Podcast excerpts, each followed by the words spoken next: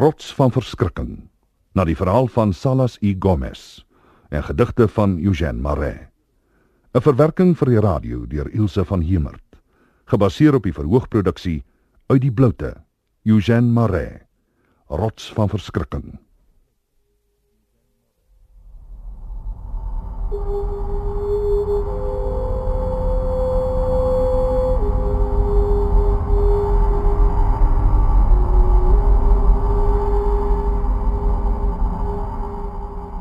Volgens die swart mense besit 'n berg 'n persoonlikheid wat liefde en wraak kan betoon.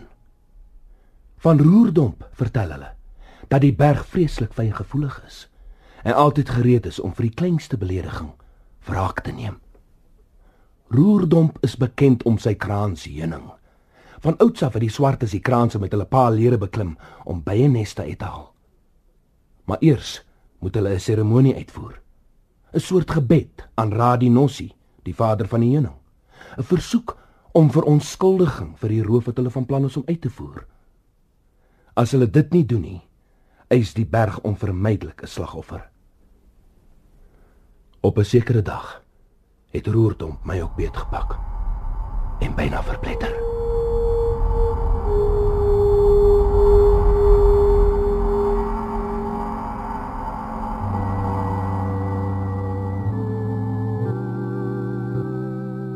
Nouliks 2 maande na my mondigwording het ek vir Rachel van Heerden by 'n nagmaal ontmoet. By Hendrik Du Pre was alle hartstogte geneig om buitensporig te wees. Die liefde het eenvoudig stormenderhand sy siel verower. Of Rachel ook so skielik op my verlief geraak het, is moeilik om te sê. Een ding is seker, as dit so was, het sy my in die begin nie die minste bewys daarvan gegee nie.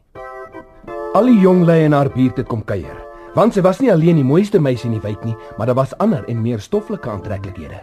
Haar vader, Karel van Heerden, was een van die rykste veeboere in die distrik. En toe verskyn Hendrik op die toneel. Staan op die staan, laat jou gedagte gaan. Jy vir my kan sê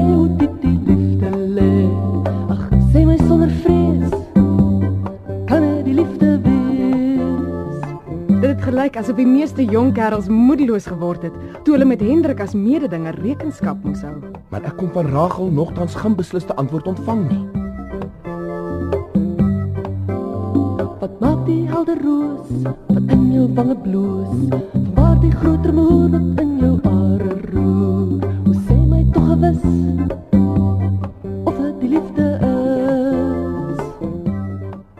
Soos dit meestal met meisies gestel is wat talle bewonderaars besit, het niks haar meer genot verskaf as om 'n hele bende bitter jaloers op mekaar te maak. My gevaarlikste mededinger was Willem Prinsloo.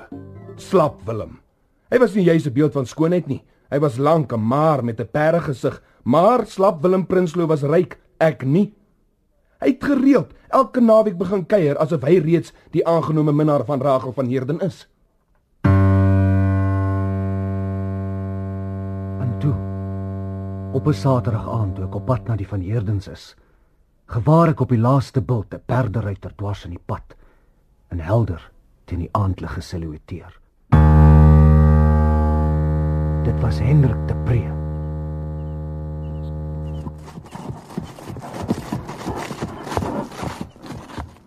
Naand nee Willem.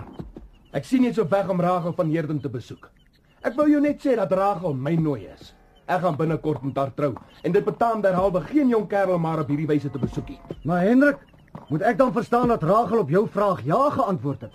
Nee Willem, ek kan nie sê dat sy tot nog toe jy's ja gesê het nie, maar dit maak geen saakie. Ek sê vir jou ek gaan met haar trou. Maar magtig Hendrik, jy is nog nie van plan om die meisie gevange te neem nie en dit sal maar swaar gaan om haar met geweld teen haar sin te trou. Elke meisie het tog 'n vrye keuse. Wat jy sê Willem bevat 'n sekere mate van waarheid, maar aan 'n opsigte is dit vals. Wow! Wow! Wow! Wow! Wow! Wow! wow. Ek is glad nie van plan om geweld te gebruik nie. Ons is tog nie barbare nie. En al kon ek aan met geweld neem, wil ek tog nie 'n vrou hê wat ek aan die hare huis toe moet aansleep nie. Nee Willem, soos jy sê, het sy 'n vrye keuse. Maar as ek die enigste appel aan die boom is, sou ek met taamlike sekerheid kon voorspel watter appel sy sal kies wanneer sy haar vrye keuse moet uitoefen. Daarom betaam dit my om alle ander appels vroegtydig van die boom te skud. Jy draai natuurlik hier om huis toe Willem. Maar Hendrik, luister 'n bietjie. Jy kan Willem, dit spyt my dat ek nie langer tyd het nie. Daar is jou pad. ek. Normaal sê. Ek sê jou groete self oordra en dan Rachel jou spyt te kenne gee dat jy nie weer van plan is om te kom kuier nie, hoor? Die aand, toe ek verslap Willem oopmaak, staan Hendrik in die deur. Sy oë fonkel so sterre. Rachel. Sy was so mooi soos 'n doubestrooide roos in die gloed van die dageraad. Maar Hendrik, Ek het haar geen kans gegee om te praat nie. O my liefste soos 'n diep rooi roos wat skitter in die dal. My liefste soos 'n helder lied wat sag sy wys ontvou. O liefling net so skoon as jy, so ryk my liefde hoog. En glo my dit sal suiwer duur totdat die see verdroog.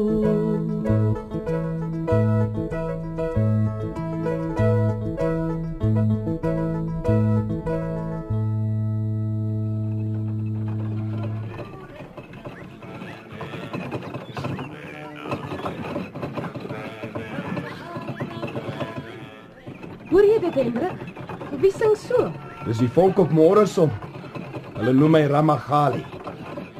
Kyk, daar lê ons stukkie aarde.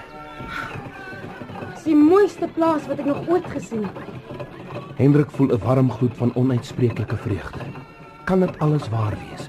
Kan sy drome so verwesenlik word? Dit is alles syne, sy huis, sy vee, sy liewe goeie aarde en rus en vrede. Links van die huis is onafgebroke houtbosse, donker soos 'n skaduweevlek in die taanende lig. 'n Skaduwee wat tot aan die voet van die Middelberge strek. Die een magtige spits na die ander styg in reuse gelid, safierblou onder die vleklose hemel. Reg van voor is die grootste en laaste van die reuse. Roerdomp.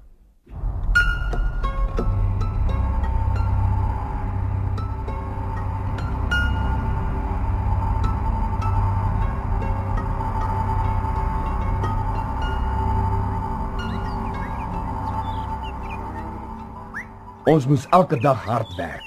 Ek moes die vee versorg. Hy moes 'n dam skrob, moes lande vir sy wintergesaides braak. Ek moes honderde vrugteboompies plant en en moes Rachel help met die aanlei van haar groentetuin. Môre begin ek met die blomtuin. As jy kans kry, moet jy vir my draadspan aan die sonkant van die huis. Ek wil pronkertjies plant. Maar geen stuk van die werk het ooit vir my soos arbeid gevoel nie. En Racheltjie. Racheltjie was 'n blywende wonder. Nou het ek werklik eers gesien hoe verbasend mooi sy is. Nooit het ek gedroom dat 'n menslike liggaam so volmaak kan wees nie. Wie sou ooit kon dink dat 'n meisie so diep verstandig kon wees? 'n Ingewikkelde saak so gou en so grondig deursien. So ernstig en bedagsaam oor die toekoms kon wees en gelyk so vrolik en opgeruim soos 'n kind. Racheltjie?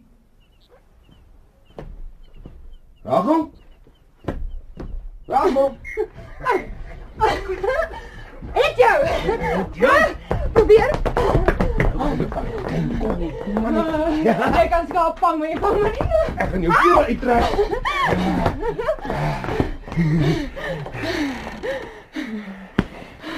Weet jy wat beteken my bynaam? Ramagali. Die sterke.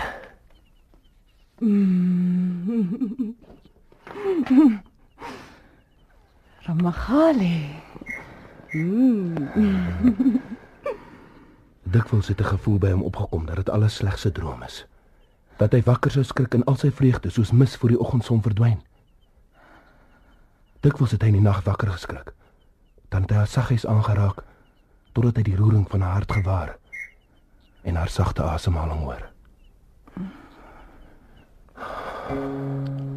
O soetste tot die see verdroog, die vaste grond vergaan. Sal ek my liefde vasbehou deur heel my lewensspan. En o my liefling nou vaarwel, neem al my sigte mee. En glo my dat ek terug sal kom al keer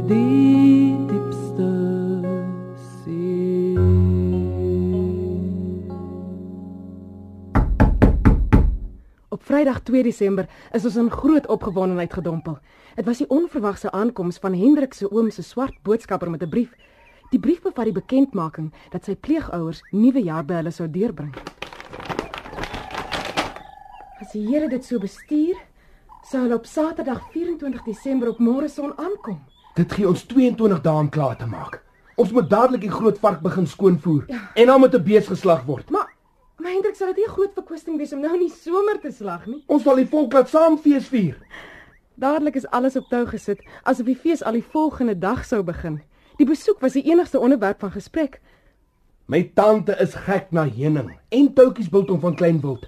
Dis nou juist die regte tyd vir kraansheuning. Daarin dan is besluit dat Hendrik die volgende dag na die poort Aasvoelgang sou gaan om 'n paar neste wit heuning uit te haal en te gelyk die een of ander bokkie te skiet sodat die toutjies vir die groot besoek gereed sou wees. Maandagoggend 5 Desember, net voor sonop, het Hendrik gereed gemaak om na die berg te vertrek. Soos die heldinne van Oudsel ridders bewapen het, het Rageltjie om en om my gedraai om seker te maak dat ek niks vergeet het nie. Die eerste strale van die son was net sigbaar op die hoogste spitse van die Middelberge toe ons by die agterdeur staan, klaar vir die laaste omhelsing voor hy vertrek. Daar was 'n treurige gevoel in ons harte. Dit sal in elk geval taamlik laat vanaand wees voor ek kan terugwees. En as daar onverwagte oponthou is, sal ek miskien verplig wees om in die berg te slaap ragel. As dit teen wil en dank gebeur, sal ek net onder daai kraans 'n vuur maak. Dan kan jy gerus wees dat niks verkeerd geloop het nie. Dirkie. Kom liewer terug. Wat ook al gebeur, gaan liewer 'n tweede maal.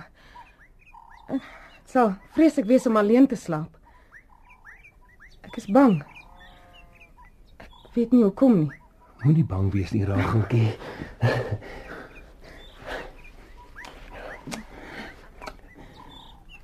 Ek sal terugkom.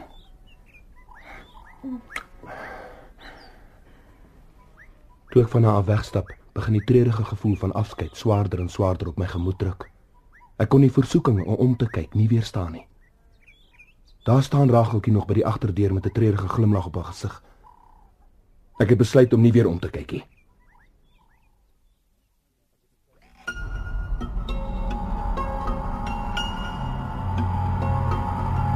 Jy sal haar nooit weer sien nie. Jy sal haar nooit weer sien nie. Rachel. Ek sal haar nooit weer sien nie. Is dit miskien 'n voorbode? As daar een ding is wat Hendrik verfoei, dan is dit kinderagtige bygelowe.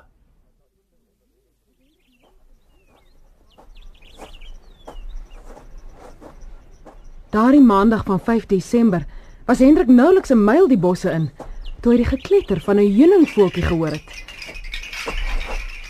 En toe kom hy agter dat die voeltjie regstreeks na Roerdomp pyl. Nou, Roerdomp was soos die kraaivlieg nader as Aasvoelgang, maar die gang is maar altyd vir heuningsoek gekies omdat die groot pad deur die berge die poort volg. As ek na Roerdomp gaan, kan ek die westelike hang voormiddag bereik en dan binne 2 ure of wat heuning kry en 'n bok skiet. Ek sal kan terugkeer lank voor Rachel vir my begin uitkyk. Natuurlik moet ek na Roerdomp gaan.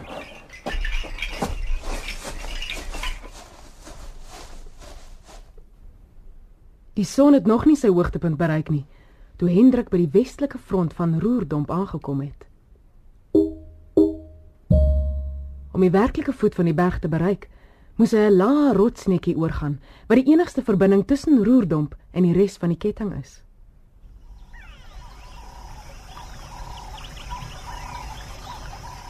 Op die kruin van die nekkie gaap 'n kloof skielik voor hom. Aan weerskante word dit begrens deur ontsettende kraanse en onder op die bodem vloei die stroom wat Roerdom dreineer.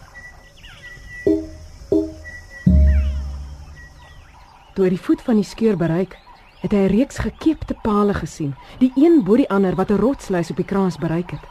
Dit was 'n ou leer wat deur swart heuningsoekers gemaak is. Die heuningvoeltjies lyk opgewonde.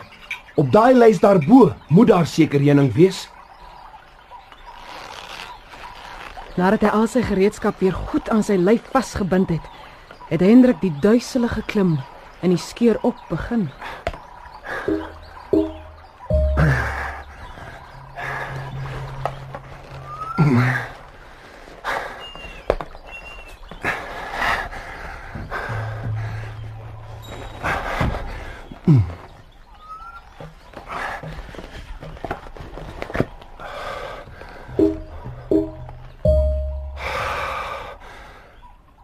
Hy is bitter teleurgesteld met die resultaat van sy moeilike klim. Hy sien dat hy geen tree verder as die lys kan voortgaan nie, want die kraans hang te ver oor. Aan die regterkant het die lys in die takke van 'n reuse willevyeboom geëindig, waarvan die wortels soos enorme wit slange oor die steilte van die kraans gekronkel het. En boonop is daar geen byenes op die lys nie. Twee heuningvoeltjies was reeds by die willevyeboom verby, en van eers teen die kraans buite sy gesig het hulle dringende aanlokking gehoor. Boeties, ek het nie vlerke nie. Hendrik het net klaar gemaak om sy reis na onder te aanvaar. Toe die stilte van die berg skielik versteur word deur 'n harde gefluit wat van kraans tot kraans weer galm het. Dit was die alarmgeskal van 'n vaalribbok ergens in die kraans wat sy reuk gekry het. Toe hy opkyk, sien hy die bok.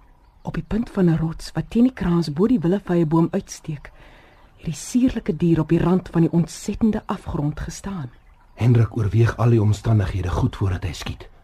As ek die bok so 'n skoot kan gee dat sy op haar spore ineensak, dan sal sy sonder twyfel langs die skynste van die kraans tot in die takke van die willevy afgly. Maar as hy na die skoot nog op die hoë lys bly lê, sal dit my 'n volle dag kos om haar van die ander kant van Roerdom te bereik. En as hy tot onder in die skeur val, sal sy verpletter wees. Nogtans besluit Hendrik om die skoot te waag. Die knal van sy skoot het duisende kraansduwe uit die skeure verjaag. Sy berekening van die skoot en die uitvoering was albei juis. Die bok het net langs die skynste van die kraans begin afgly toe daar iets gebeur wat Hendrik se aandag van die bok aftrek. Deur sy linkerskouer teen die rots voel hy 'n eienaardige trilling.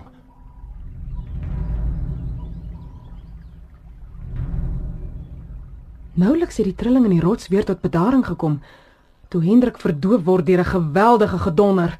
Dit was asof die berg uit sy fondamente geruk word. Rotsstorting!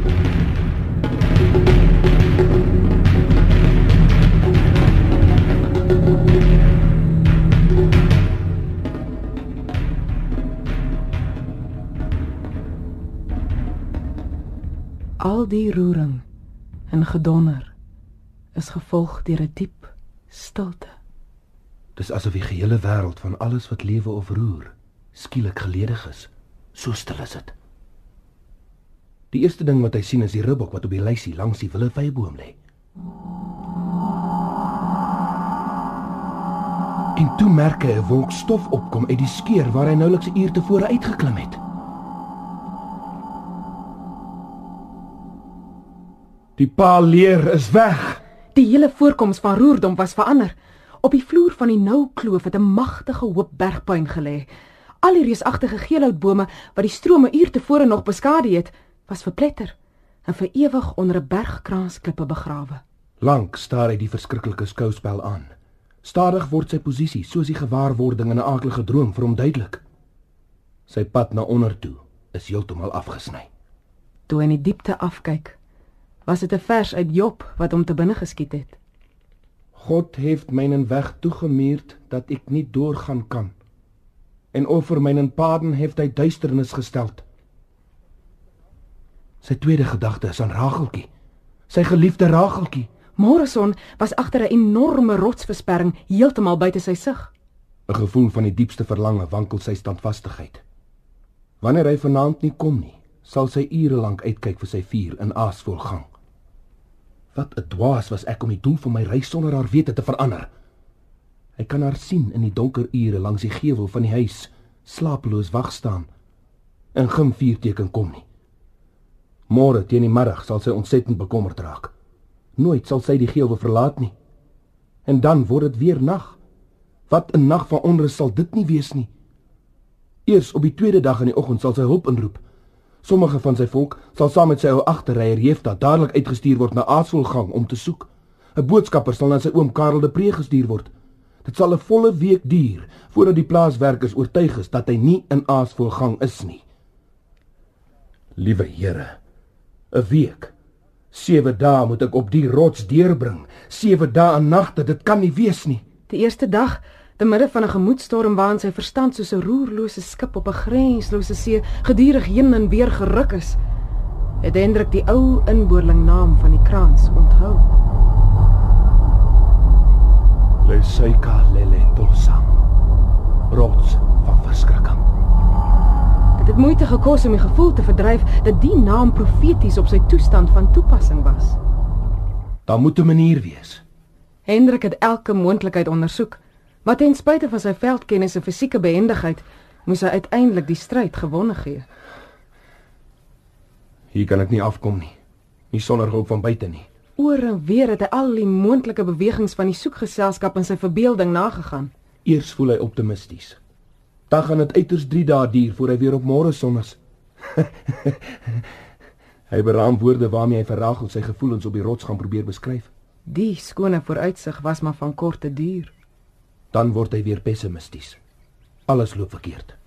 Hulle sal die kraanse van Aasvoelgang deursoek en jare lank aanhou. Niemand sal ooit van roerdomp droom nie. Hier sal hy bly totdat hy van honger doodgaan of kranksinnig word en self 'n einde aan sy lyding maak. Hy voel dat hy hier handgemeen raak met 'n bose en wrede vyand. Dis iets met die geaardheid van 'n wille roofdier wat in die duister plekke van sy siel op loer lê, gereed om sy beter, sy manmoediger self te bespring. En dan, saam met die angsgevoel ontstaan 'n onregeerbare rusteloosheid. Hoe kan dit moontlik wees dat die hele aarde nou beperk is tot die smal stukkie rots? Hy wil net vry wees, vry ten alle koste. Aan die oorkant lê Mamatola. Kransbegrens is so naby aan Roerdomp dat die kloof vir die grootste gedeelte van die dag in skaduwee verkeer. Dis na 12:00 dat die son bo die spits van Roerdomp uitkom en die kloof verlig. Binne 'n paar minute het van elke krans so 'n gloed van hitte gestraal dat alles wat lewe dekking moes soek. Die son het op rots en bodem met ongehinderde woede neergeslaan. Dit was hierdie skielike vloed van hitte wat Hendrik tam en uitgeput tot selfbeheersing gebring het. Moedeloos bekyk hy die pad wat die son moet reis voordat die genadige skaduwee sy lys sal bereik. Dis 'n afstand van minstens 3 uur. Is toe dat hy om die kom kraanswater naby die willevye boom herinner het. Spoedig het hy sy bolyf ontbloot en die heerlike water oor sy kop en skouers gegiet. Sy oog val op die ribbok wat op die rand van die lys lê. Met ingewortelde jagtersgewoonte het hy die bok ingesleep, afgeslag en opgehang. Terwyl hy met die werk besig was, was sy liggaam gedurig aan die vreeslike hittegloed blootgestel.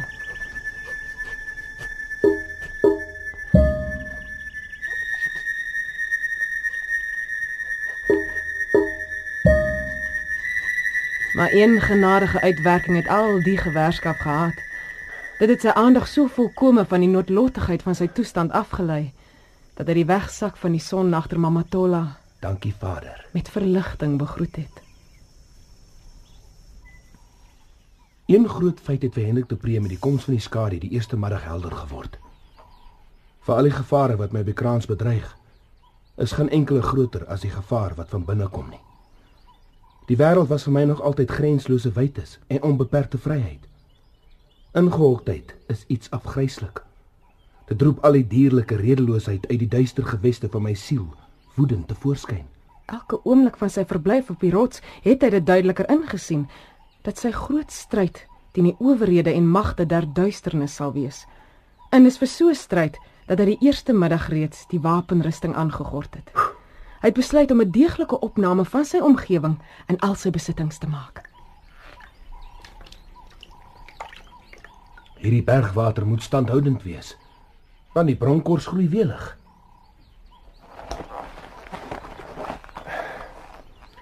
Knipmes, tonteldoos, en vierslag, rolvoorslag, hernetermes, my geweer. Sy geweer en kruitbuis moes tydens die rotsstorting na benede geval het, heeltemal buite sy bereik. En toe het Hendrik die eerste tekens van lewe gewaar. Hy het in die kraanse aan die oorkant 'n hol geroep van ape gehoor. Hendrik het net tot die gevolgtrekking gekom dat dit sy teenwoordigheid is wat die ape so ontstel, toe hy iets gewaar wat op byna net so verskrik soos die ape. Ergens in die groot doolhof van kraanse hoor hy skielik van ver af die gedruis van 'n magtige wind. Maar om hom is daar geen roering in die lug nie. Toe gewaar hy bo hom 'n enorme skaduwee wat met blitssnelheid beweeg. Dit was 'n lammergier wat uit die hoogtes van Roerdom skuins by hom verby na benede geskiet het. In 'n magtige boog sak die reuse vol af, af, af in die diepte. En toe sien Hendrik hom weer stadig uit die diepte opkom. Nog op roerlose wieke voltooi hy die magtige sirkel van sy val. Soos die ongenaagbare noodlot self nader hy die verwilderde ape. Toe hy die boogvlug bo die kraans volëindig, is daar 'n aap in sy kloue. Op die takke van 'n boom teen die naaste spits het hy bedaard met sy prooi tot rus gekom en dit spoedig verslind. 'n Paar minute later was daar weer 'n gedruis van vlerke om Hendrik. Dit was die kraansduwe wat na die verskrikking van die rotsval weer teruggekom het. Hendrik is verbaas om te sien dat die duwe neste in die barste bo kan sy rotsluis het. Die skeure is binne sy bereik. Hier is 'n onuitputbare bron van voedsel as ek sorgvuldig te werk gaan en die voëls nie verwiller nie. Die eerste namiddag van sy verblyf op die rotsluis was Hendrik byna opgeruimd. Hy het hard gewerk aan 'n sonskuiling teen die vreeslike vuurbad van 2 en 'n half uur wat hy elke dag van sy verblyf op die rots sou moes verduur. En daarvoor het hy stukke droë hout gebruik wat in die takke van die willevye boom opgevang was. Toe die son begin sak en die treurige skaduwees van Mamatola langer en langer oor die kraanse uittrek, het hy weer diep neerslagtig geword. Hy moet gereed maak vir sy eerste nag op die rotsluis.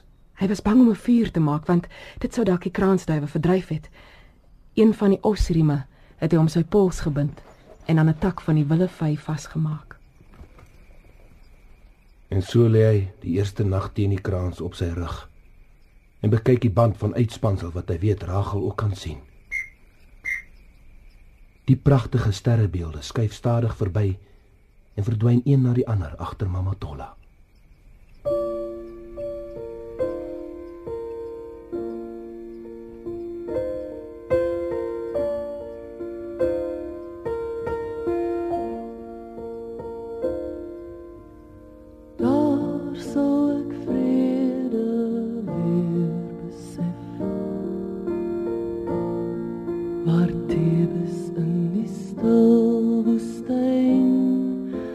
sy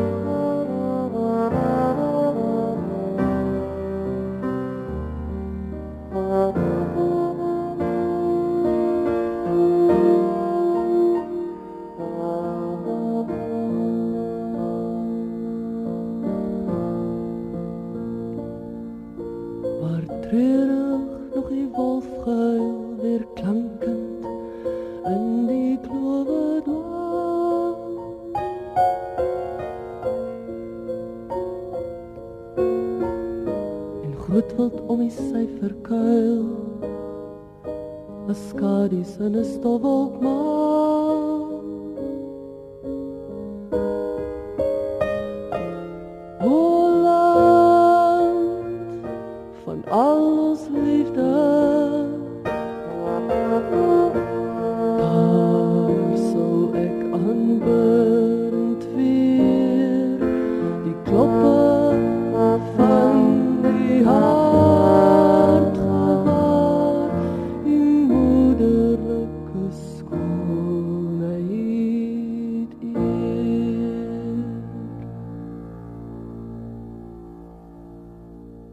Toe Hendrik sy tonnel van hout opgerig het, was dit onder die vaste indruk dat hy dit net vir 7 dae sou nodig hê, net vir beskutting teen die regstreekse sonstrale in die middel van die dag. Maar toe, een nag, kort na sy aankoms op die berg, gebeur daar iets waarvoor sy beskutting heeltemal nutteloos sou wees. Ongeveer 2 uur voor dagbreek word hy gewek deur 'n hol dreuning. Rotsstorting. Maar nouliks het hy in die pikdonkere staanplek teen 'n tak van die willevyeboom gevind of die hele wêreld word opgeluister deur 'n stroom vuur wat uit die sterrelose hemel tussen die spitse van Mamatola neerstort. Die hoogste spitse is in heller silhouet teen 'n bank van donker wolke afgeteken. Die donderslag ruk aan die fondamente van die berg. En toe kom die reën. Alles was binne sekondes sopnat. Langs die kraans af het toenemende strome na benede gestort. Die druppels was yskoud. Spoedig was Hendrik so verkleum dat sy tande gekletter het. Met sy nat baadjie oor sy kop en sy rug teen die kraans, het hy die bitterste straf verduur en die dag ingewag. En sy luister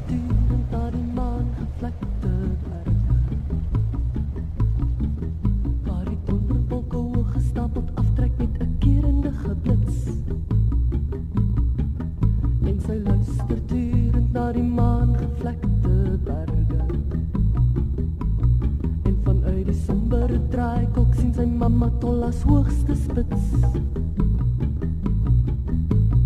Aangelakend in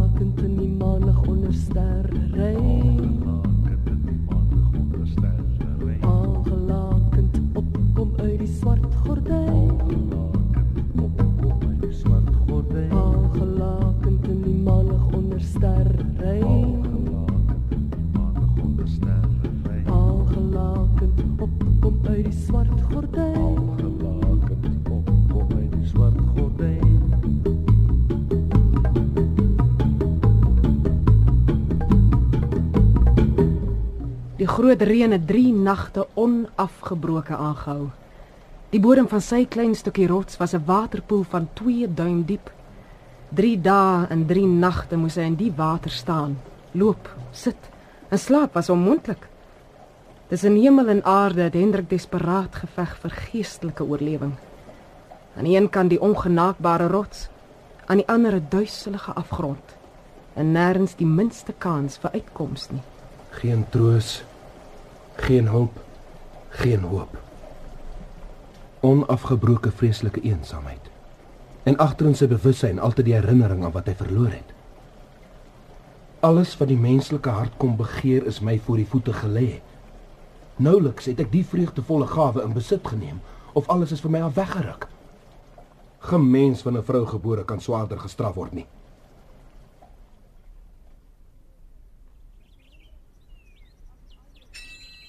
Was vir Hendrik asof al die klowe en berge 'n dankpsalm aanhef toe op die 4de dag die eerste sonlig in 'n onbewolkte blou hemel sigbaar geword het.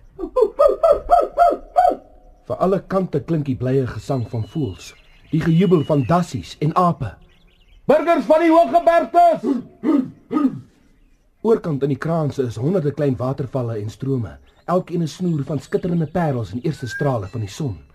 Sy eerste werk was om 'n vuur aan die brand te kry, sodra hy genoeg hout kon droog kry. So diep was sy verlange na vuur dat hy hom nie langer oor die verstoring van die kraansduwe besorg gemaak het nie. Van die vleis van die ribbok is die meeste bederwe, maar daar is nog voldoende stukkies vir 'n maaltyd. Die eerste paar dae na die reën was miskien die aangenaamste wat Hendrik op die lys deurgebring het.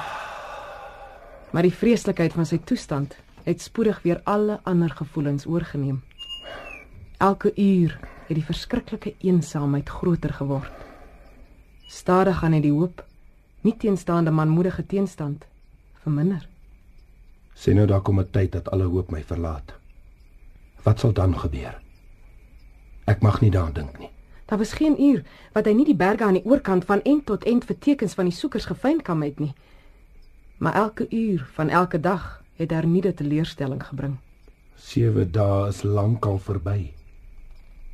Hoe hou mens dit uit? Onvermydelik het die loop van tyd sy tol geëis. Selfs slaap het nie ontvlugting gebring nie. Hy, hy was telkens gesteur deur ontstellende drome. Die nagte het vir hom 'n verskrikking geword.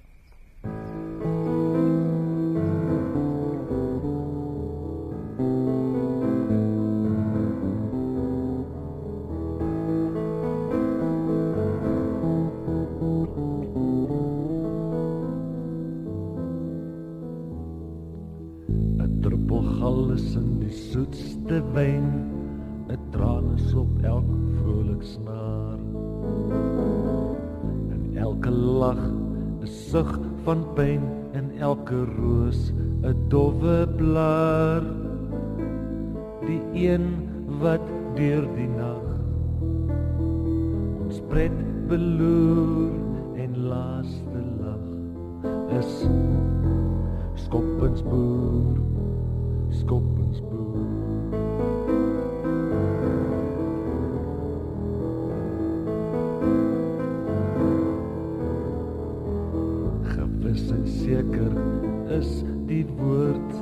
die skatte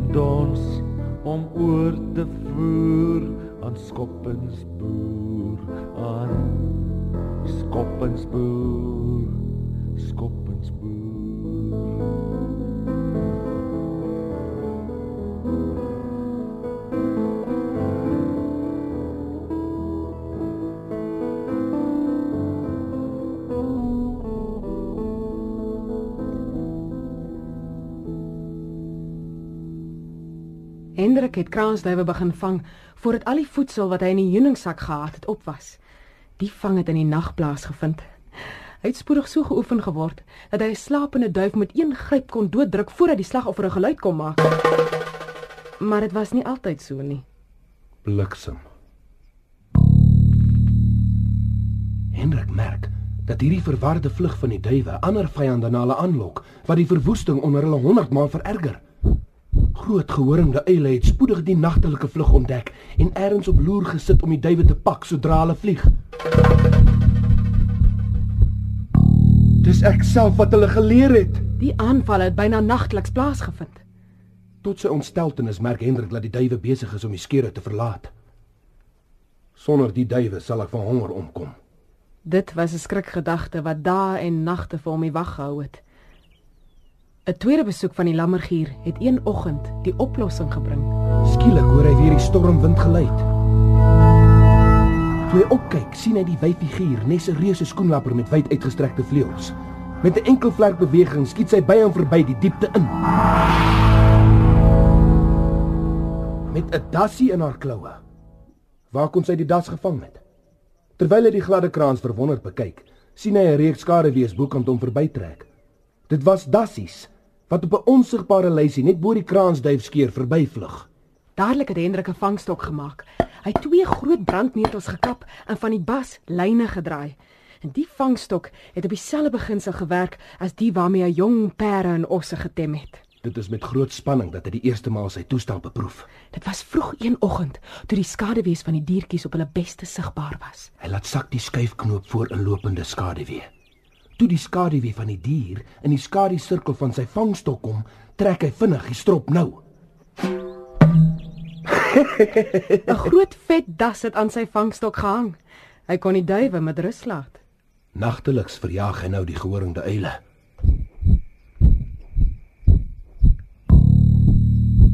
Voetsek! Voetsek,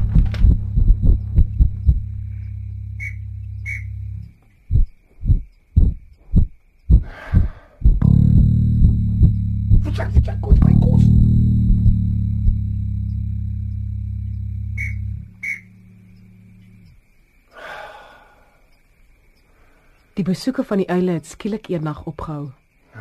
Die duwe het stadig aan weer teruggekom. Hendrik het toe in die salige geloof verkeer dat sy voedselkrisis opgelos is. Maar daar was 'n skielike ontnugtering. Op 'n sekere oggend het hy met 'n swaar hoofpyn wakker geword. Hy het nog nooit tevore hoofpyn gehad nie. Hy het eers nie geweet wat dit is nie, maar toe het hy ander simptome begin opmerk. Hy was loom en tam, sy eetlus het verdwyn. Ek is seker maar siek. Sy mond het begin seer kry, sy tandvleis het opgeswel. Die minste aanraking het bloeding veroorsaak. en nog altyd die aaklige dowwe pyn in die kop. Ek is besig om dood te gaan. Elke dag het die simptome toegeneem. Hendrik het die dood sonder enige teenstand ingewag. Droombeelde van Rageltjie swem voor sy oë.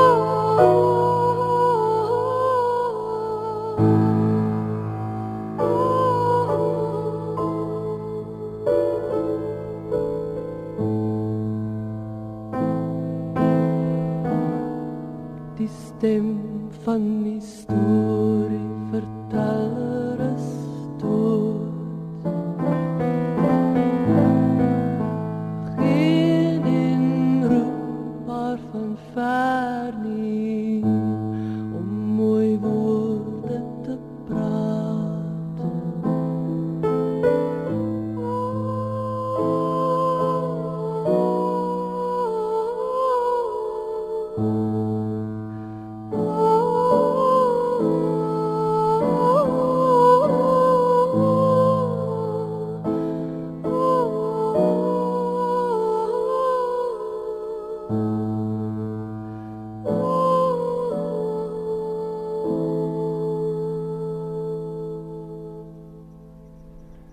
toe het daar 'n vae herinnering uit die donker geweste van sy kindergeheue opgekom. Dit was 'n storie van sy ou Hollander skoolmeester. Die bemanning van 'n skip is eenmaal van 'n gewisse dood gered aan die Weskus van Afrika deur bronkors te eet. Die agterkant van sy rotslys was met die pragtigste bronkors omsoom.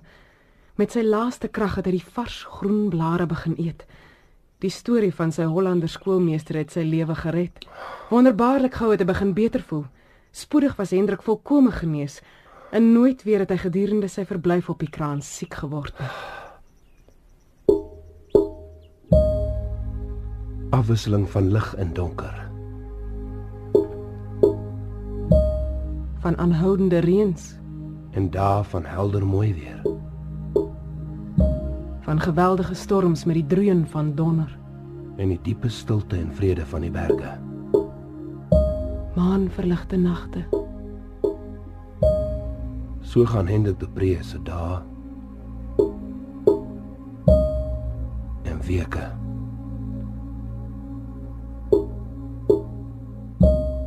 en uiteindelik maande verby. Die rots van verskrikking het hom geduld geleer, maar by die vreeslike eensaamheid het hy hom nooit aangepas nie. Hy staar na Mama Tolla se kalme majesteit. Die onbereikbare spitse wat in die skemer deur donker skadu's omhoog gehou word. Niks raak hulle nie. Niks roer hulle nie. Die mense geskiedenis van 'n 1000 jaar gaan by hulle ongeag verby. Stadig gaan dit die gedagte by hom ontstaan dat die Skepper wat die heelal in stand hou, net soos die berge, in ongenaakbare majesteit bo alle menslike hartstogte en gevoelens verhewe bly. Wetende wat sou gebeur, het hy my die lewe ingestuur. Ek het nooit daarna gevra nie. As ek die kans gehad het, sou ek die geskenk van hierdie lewe geweier het. Die verantwoordelikheid berus by God. Het hy my die lewe geskenk net om met my die spot te drywe? Dit is nie reg nie. Dit is nie reg nie. Ek verklaar voor God dit is nie reg nie. Julle kan my tot die diepste hel verdoem en nog sal ek uitroep totdat dit in die hoogste hemel gehoor word. Onregverdig! Selfs die mens kan julle beskaam. Selfs die mens sal hom nooit as sulke wreedheid skuldig maak nie. Oor een ding bly ek baas. God kan my die lewe opdwing, maar selfs hy kan die dood nie van my weerhou nie. Ek sal dit self beëindig.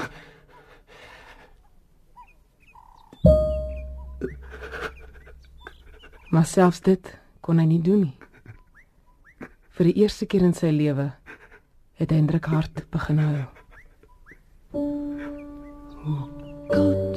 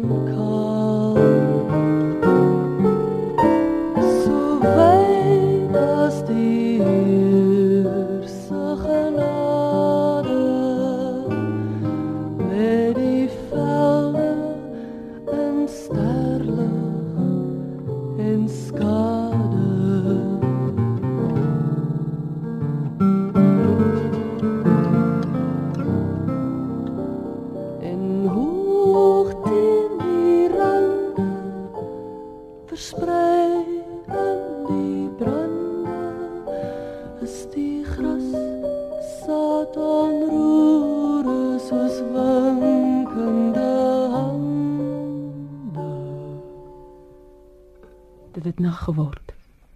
Bo met die kalm, stil sterre gesien. Die jaar was aan die draai. Hy was byna 'n halwe jaar op die rots. Dit het begin koud word. Sy brandhout was al amper opgebruik. Toe dan vry al wat gij doet. Of wy drywen of wy zinken. Wat gij doet is ewe goed. O treurig die wysie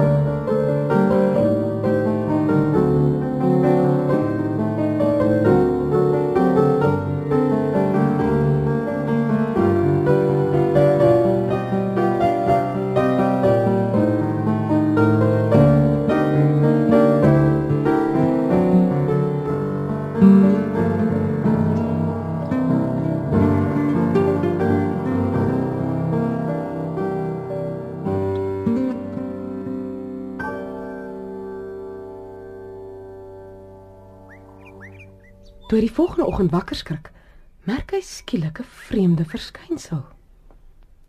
Net bo die stam van die willevy sien hy 'n eienaardige ligkol. Dit was nooit tevore daar nie.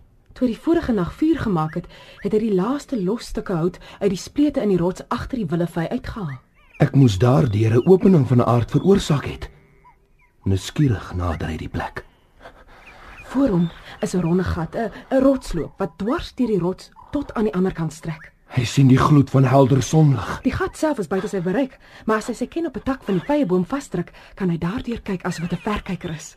Voor hom sien hy eers die houtbosse aan die voet van die Middelberge. Daar agterhoog teen die oorkantste rande sien hy 'n klein stukkie gevel. 'n Hoek van 'n huis. Hy sien 'n skoorsteen waaruit rook walm in die helder oggendlig. Dis my eie huis. Dis Morrison. Maar hoe ook al staan, meer as die klein stukkie kan hy nie sien nie. Rachel is nog daar. Sy lewe nog. Anders sou die huis verlate wees. Daar's 'n gemvuur in die kombuis gewees het nie. Dadelik dink hy daaraan om tekens te maak. Hulle moet my sien, liewe Here, hulle moet my sien. Ure lank probeer Hendrik te vergeef om brandende hout deur die gat te skuif, maar dit smoor telkens dood in die noute van die rotsloop. Uiteindelik moet hy dit laat vaar met 'n wanhoop wat nouliks te beskryf is. As ek maar net vir Rachel kan sien. Net een oomblik. Maar dit gebeur nie. Hele dag sien ek geen mensie.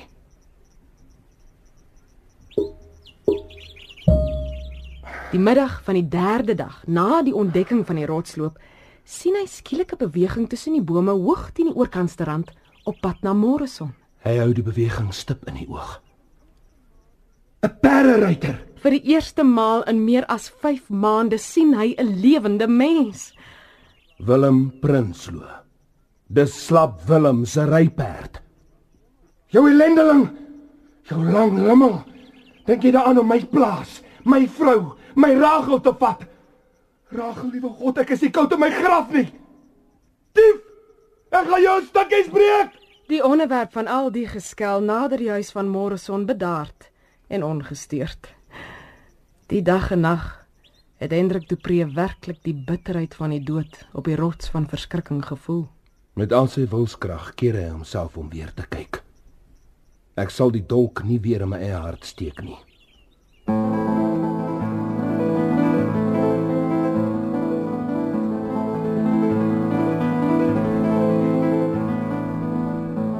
diep rivier, o donker stroom, hoe lank het ek gewag, hoe lank het ek gedroom. Die lem van liefde vroegend in my hart, in jou omhelsing eindig al my smart.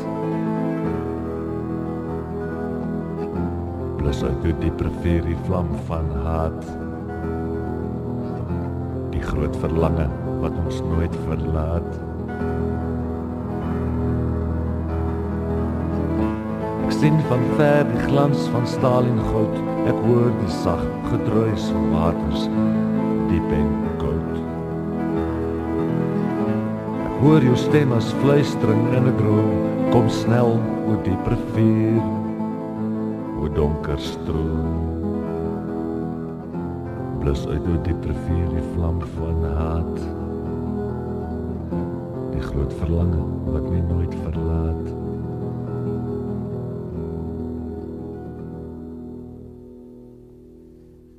Uit die hoek van sy oog merk hy by blote toeval iets ver aan die oorkant roer. Aan die voet van Mama Tolla is 'n mens besig om die breedte van die vallei te kruis. Vir 'n paar sekondes is Hendrik heeltemal verlam. Die stapper is skaars 400 tree van hom af. Jefta. Dis Jefta, my agterryer. Ou Jefta volg die stroom en sal binne 'n paar minute agter die skouer van Mama Tolla verdwyn. En toe gebeur 'n verskriklike ding. Is asof hy Noordkou tot op die laaste met Hendrik die spot dryf. Sy keelspiere verstyf in 'n geweldige kramp. Hy kan geen geluid uitkry nie. Die ou boesman is nou slegs 50 tree vanaf die skouer van Mama Tolla. Hendrik kyk verwilderd rond na enige iets waarmee hy Jefta se aandag kan trek voordat dit te laat is. Sy oog val op 'n massiewe stuk rots wat aan die end van sy lys los van die kraas gebreek het. Ek het nog so 30 tellings. Hy weet dit gaan die grootste kraginspanning van sy lewe kos. Die klip is bomenslik swaar, ten minste 3 keer sy eie gewig. Dit gaan 'n wonderwerk kos om dit op te lig.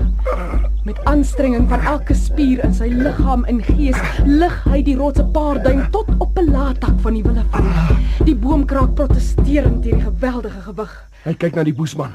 Nog net 5 of 6 tellings.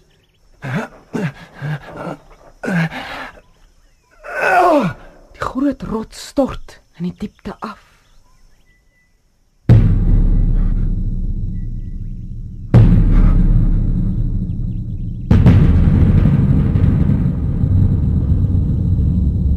Die ou boesman styt in sy spore. Hy kyk verwonderd en verskrik in die rigting van Roerdomp. Hendrik gryp die leersak en begin vurig waai. O, Jefta sien die teken, maar verstaan glad nie wat dit alles beteken nie. Die donderslag en die onaardse gedagte teen die kraans van Roerdomp. Uiteindelik na lang twyfel begin die vermoede van waarheid by Jefta ontkiem. Uiteindelik kom die stem oor die kloof tot Hendrik. Seer Dirkie? Is dit jy? Here, ek is gered.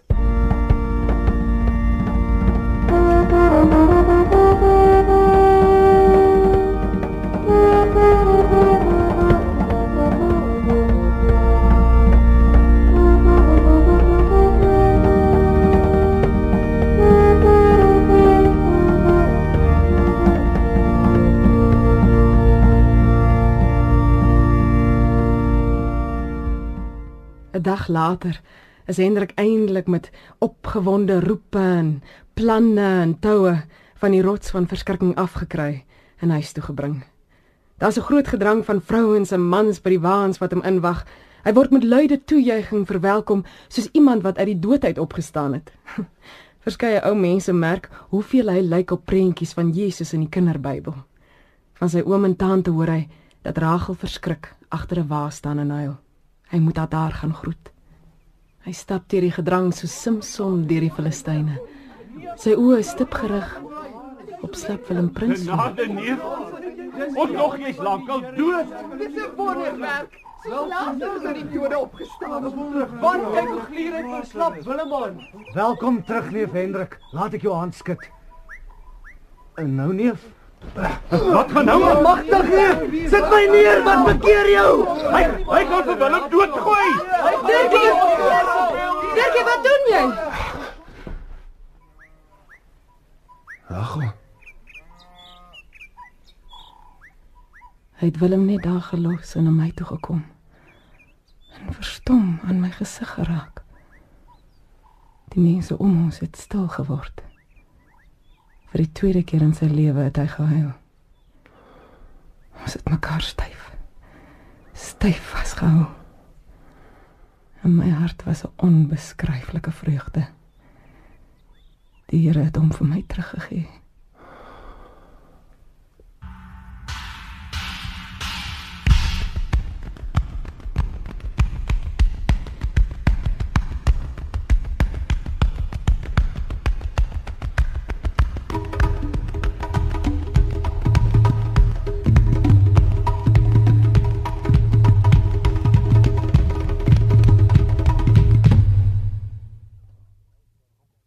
U het geluister na Rots van Verskrikking, na die verhaal van Salas I Gomez van Eugène Marais. Dit is vir die radio verwerk deur Ilse van Hemert, gebaseer op die verhoogproduksie uit die bloute Eugène Marais. Die rolverdeling was soos volg: Hendrik de Pre is gespeel deur Gys de Villiers. Rachel van Heerden deur Anna Mart van der Merwe. En in die rol van Willem Prinsloo Andrei Odendaal. Die musiek is uitgevoer deur die groep Marimba met Abri en Lazan Helberg. Marimba is ook verantwoordelik vir die toonsettings van Eugène Marais se gedigte. Perkussie is deur Jan Bekes. Byklanke is hoofsaaklik met instrumente deur die musikante geskep. Addisionele byklanke deur Piet Mosca en opgeneem deur Skalk Foster. Die opname van die musiek is deur Ansa de Tooi behartig. Die regisseur was Ilse van Hemert.